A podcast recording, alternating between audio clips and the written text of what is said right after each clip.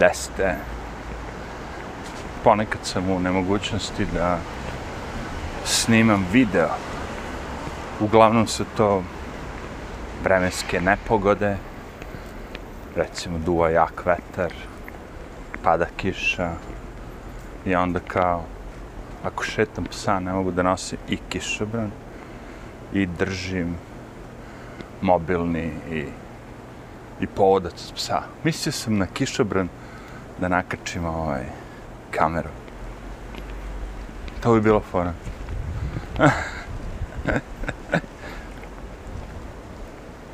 Onda bi mogao i video. Ali pošto ja većinu stvari u stvari pričam više nego što mislim ne snimam nešto specijalno kako bih rekao i dosta toga se ponavlja onda u principu baziramo se na audio mm, i šta je dobro još znači sad dok hodam a, mogu da koristim obe ruke, je tako? I nije nešto bučno, noć, subota, mirno u Njurku. Tako mi se barem čini. Gledao sam nešto pre nego što sam izašao baš tu jednu kamericu koja mi je zapala za oko, da kažemo, e, koja je jako mala i može da se stavi kao na grudi otprilike.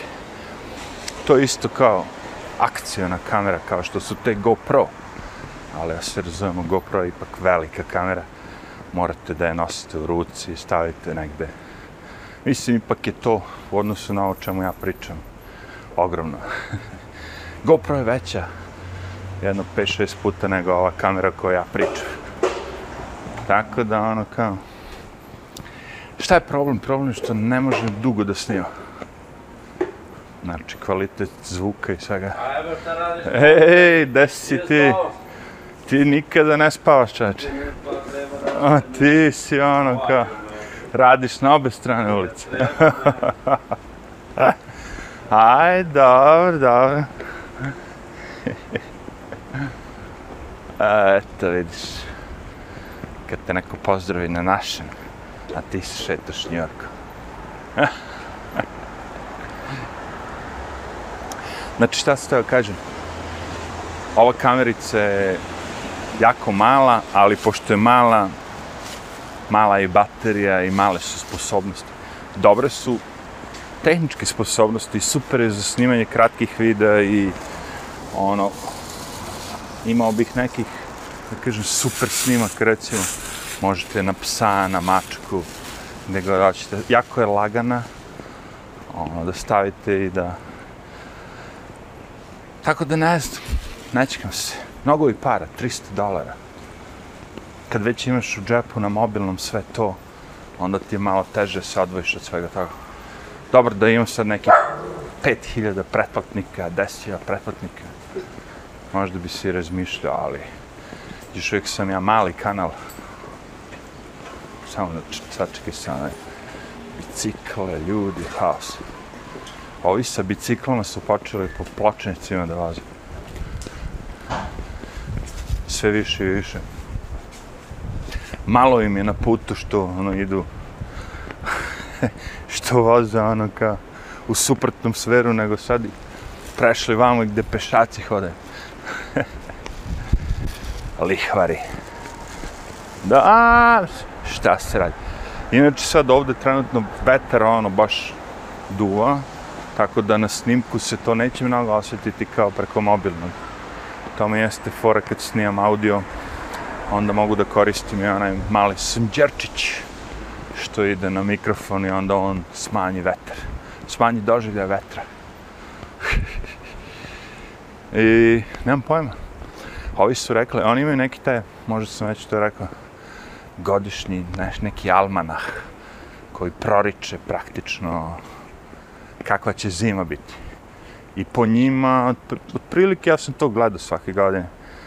I on, ponekad u bodu, ponekad ne u bodu, ali po njima i po nekim drugima je ono, rekli se će biti zima hladna. Možda neće biti mnogo snega, ali će biti hladna. ja se radim što danas je bio, ali koji 16. oktobar. Ja u kratkim rukavima hodao, baš prijetno bilo. Evo i sad je, ono, pala je kiša, da se razumemo, ono kao malo je zahladnilo, mora i dugi rukav, ali i dalje je prijetno. Biće to u stvari jedna prijatna zima. ne slušam ja njih, ja. Ja, baš sam danas ono, s jednom, spominjem je stalno tu staricu, o, ovaj, koja, tako odem, ono, kao, prošete me psa par puta, ono, kao, subotom, nedeljom, a ima i tri mačke, imala je četiri pa jednu, mačak je u stvari uginuo, ali o, ima tri mačke i psa, mali kao čivava. I tako gleda, razumeš, te vesti. I ja, ona meni objašnjava, čeče, jednu stvar ja ne mogu da ukapiram uopšte. Nisam svestan šta oni njima na tim vestima pričaju, ono kao. Znači, ja gledam moje vesti i u tim mojim vestima imamo ovako ljude koje drugi ljude intervjuišu sa kamerom, sa mikrofon, pitaš ih ono, što štrajkujete, ove recimo medicinske sestre, štrajk, ovi štrajk, oni što štrajkuju, i razlog je kao zato što su uveli obaveznu vakcinaciju. Ako želim da radim i dalje ovaj posao, moram da se vakcinišem. A ova mene žene govori da oni to rade ne, znaš, ono, je debilna, zašto je nestašica, zašto radnici štrajkuju kao, zato što traže veće plate. Kaže, zato oni štrajkuju. Ja se razmišljam, ja, fuck it. Rekao, ne, rekao, ovo je kapitalizam, sad ću ja rekao, ti objasnim kako to ide. Kako je do sad išlo. Ako neko neće da radi neki posao za 10 dolara. Pojavi se neki drugi, neka druga osoba koja hoće da radi taj posao. Za te pare. Ako nema nikoga, onda otvore granicu s Meksikom i vrum, uleti tako mesečno 100.000 ljudi kao sad što se dešava. Inače sad vetar poliva, ubija, ali ja mislim da će snimak opstati. Zaladnilo jeste. Rekao, ne, ne, ne, ne, ovo je kapitalizam. Ovdje je to rešeno bukvalno tako. Znači, razlog zašto ljudi neće, zašto bi ti sad, ajde jasni neko, sad ćeš ti da odeš da se zaposliš u restoranu koji znaš da će da ima ono kao pola ljudi unutra umjesto koliko bi trebalo da ima, treba da radiš na tip, nema pola ljudi zato što prvo imaju taj korona pasport i drka se ljude te unutra, te napolju, te ono, te ono. I ti kupci koji idu tako kupci, ljudi koji vole da izlaze s strane i njima pukne kurac jednom momentu. A bre, neću da idem na minus deset, ono da sedim napolju. Kapiraš ono. Zbog budala i budalaštine.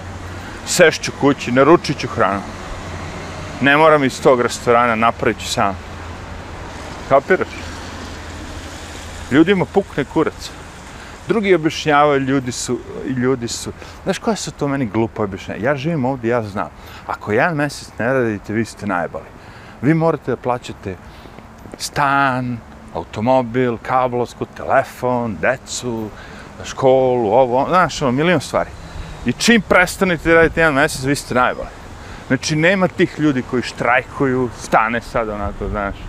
Zato što zna da je zamenjiv nema tih unija, nema tih sindikata, kuraca palaca koji će te štititi. Ja, per, što se prevara, bre, čeče.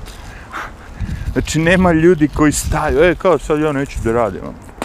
Zato što mi se digu kuraca. Ako svi su u kreditima, svi su u dugovima, svi su nešto pokupovali, kapiraš ono to. Mora sve to se plaće. Tako ti kaže, znaš, ono kao, ta priča da ljudi neće da rade, a da ima posla, to ti možda ono kao, možda u Srbiji da pričaš. Ne znam. Ovde znam, prva stvar što se desila je bila ono, to sam rekao, znači, dokle god je država davala nedeljno ono 600 i nešto dolara, uh, tako, štampali novac. Ljudi nisu kao teli da rade zato što što bi radio kad već ono, ako mi neko daje za džabe novac, ono kao, bez veze, šta bi radio. Ok, međutim, to je prestalo pre jednom mesec dana. A ljudi kao i dalje neće da radi. I sad ti meni reći ono kao, šta je sad razlog? Je, ono? Loši su poslovi. Ne, nema nikakvog izgra u kapitalizmu, loši su poslovi. Uvijek ima neko ko će raditi taj posao. Nema kao, ima, brate. Svaki taj Meksikanac koji ilegalno uđe, on će doći da radi taj posao za tri puta manje nego što bi neko drugi radio. Uvek ima. Ja kažem, nema kupaca. Ja idem na drugu stranu. Ka. nema kupaca. Jer svi ti kao takozvani, nemam pojma, restorani, ono, znači šta se zatvara? Zatvara se McDonald's, zatvara se, tako to je neki, ono, lanci. To se zatvara. Ovi svi drugi restorani koji imaju kupce, oni se ne zatvaraju. Ako ti možda prodaš govno, nemam pojma, steak, šta god već, za 50 dolara nekome, svaka čast, ti se nećeš zatvoriti. Zato što ćeš ti s 50 dolara tako po povroku uspeti da naplatiš sigurno i da platiš rentu i ne znam ti sve živo. Ali, postoji ekipa koja uh, prodaje sendviče po 3,5 dolara. Razumeš? Taj neće moći. ja ti kažem, ovo je sve smišljeno isključivo da se eliminišu prvo stariji, da se pobiju stariji i da se eliminiše dobar deo populacije. Sve ovo. Osta, ostaće servisi samo za bogate. Znači sve ovo što će biti zabranjeno običnim ljudima će biti omogućeno bogatima. Da letiš, da letiš. Privatno, privatno. Bez provere, bez ičega, ono, nema frke. I to sve ne bi bilo ništa čudno kad ne bi narod bio ono sam kriv za sve ovo. Znači mi svi kao ono doprinosimo svemu tome. Boli nas uvo u fazonu. Moje dupe namireno, to je svačiji moto. Čuti ne talasaj, gledaj svoje dupe, znaš, ono, zidale, gilu, budale, sve to kao na gomilici.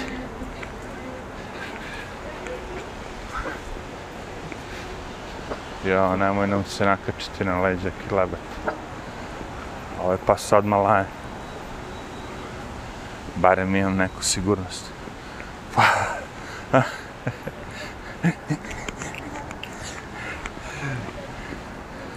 sigurnost u noći. Kako ovo sve pusto, javate subota, čoveč, ono kao, ponoć, uvijek je bilo, ono, znaš, kad hodaš tako ulicom, ono, uvijek je bilo kao da je, uvijek je bilo ljudi, jebate. Restorani su radili uvijek, znam tako, ono, do jedan barem, ono, kao. Joko. Sad u ponoć je sve zatvoreno, to ti kažem, ljudi su se navikli. Navikli, navikli si ljude, ono, koje je gotovo, sve, ono, kao, moramo kući, policijski čas, kao. Već im je ugrađeno, ono, taj fear, fear, ono, kao. Ja, ajde, sutra ideš kući, pa laj, to je svoje mami, jebote, više. Svaki dan laj, laj, laj, na, na, na svaku glupost. Sve se to skenjava, ako mene pitate, dobro, kao, ti si pesimista, ne vidiš bolje, ovo, ono.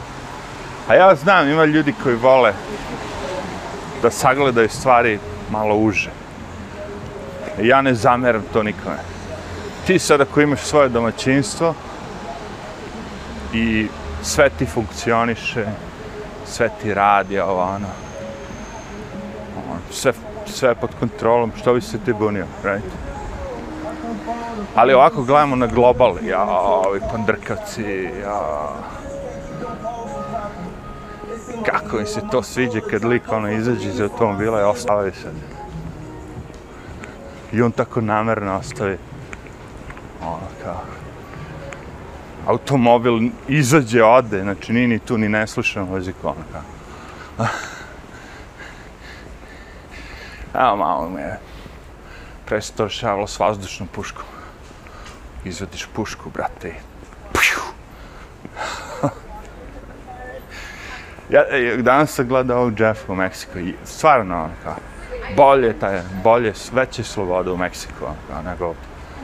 I imaš sve te kartele, sve to. Ali ako se ne zameriš njima, na konju si, ono. Niko ne jebe policiju, niko ne jebe državu, jebe im se za sve to, kao. Meksiko. Čak sam vidio, radili su neki dokumentarac gdje se i on pojavljuje o ljudima koji su tako anarhisti, koji su napravili kao neku svoju komunu, da kažemo, gdje svi žive bez policije, bez... Znaš, kao, nije baš sada, ono, kao, ali policija im ne dolazi, ono, kao, nešto da ih drkate. U principu sve isto kao i svi drugi ljudi, samo što nema ono kao te birokratije, svega. Znači ti sad ono imaš svoju kuću, recimo. I svoje ono kao ispred baštu. I ti sad odlučiš da tu ispred digneš spomenik djavolu. I ti to uradiš bez problema i niko se neće buniti. Niti niko sme da se buni, pošto je to tvoja kuća, tvoja. Ono.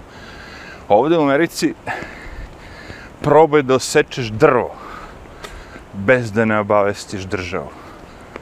Či imaš drvo ono u svom posedu, svoje bašti ili šta već i smetati više, ne treba ti, ja će ga se rešiš, trulo je, ne znam šta, šta god već. Ti moraš tražiš dozvolu od njih da oni to provere. Je li stvarno trulo? Ako nije, e, onda imaš da ga ono kao platiš, ne znam koliko. 7.000 dolara samo dozvolu da, da možeš to da plus ljude koji će to da obave. Znači svaka, svaka glupost, sve to kao tvoje. Ali ajde u Americi još ti možeš i da imaš recimo nešto svoje. Kupio si stan i tvoj. U Kini ne možeš, hej, how's it going?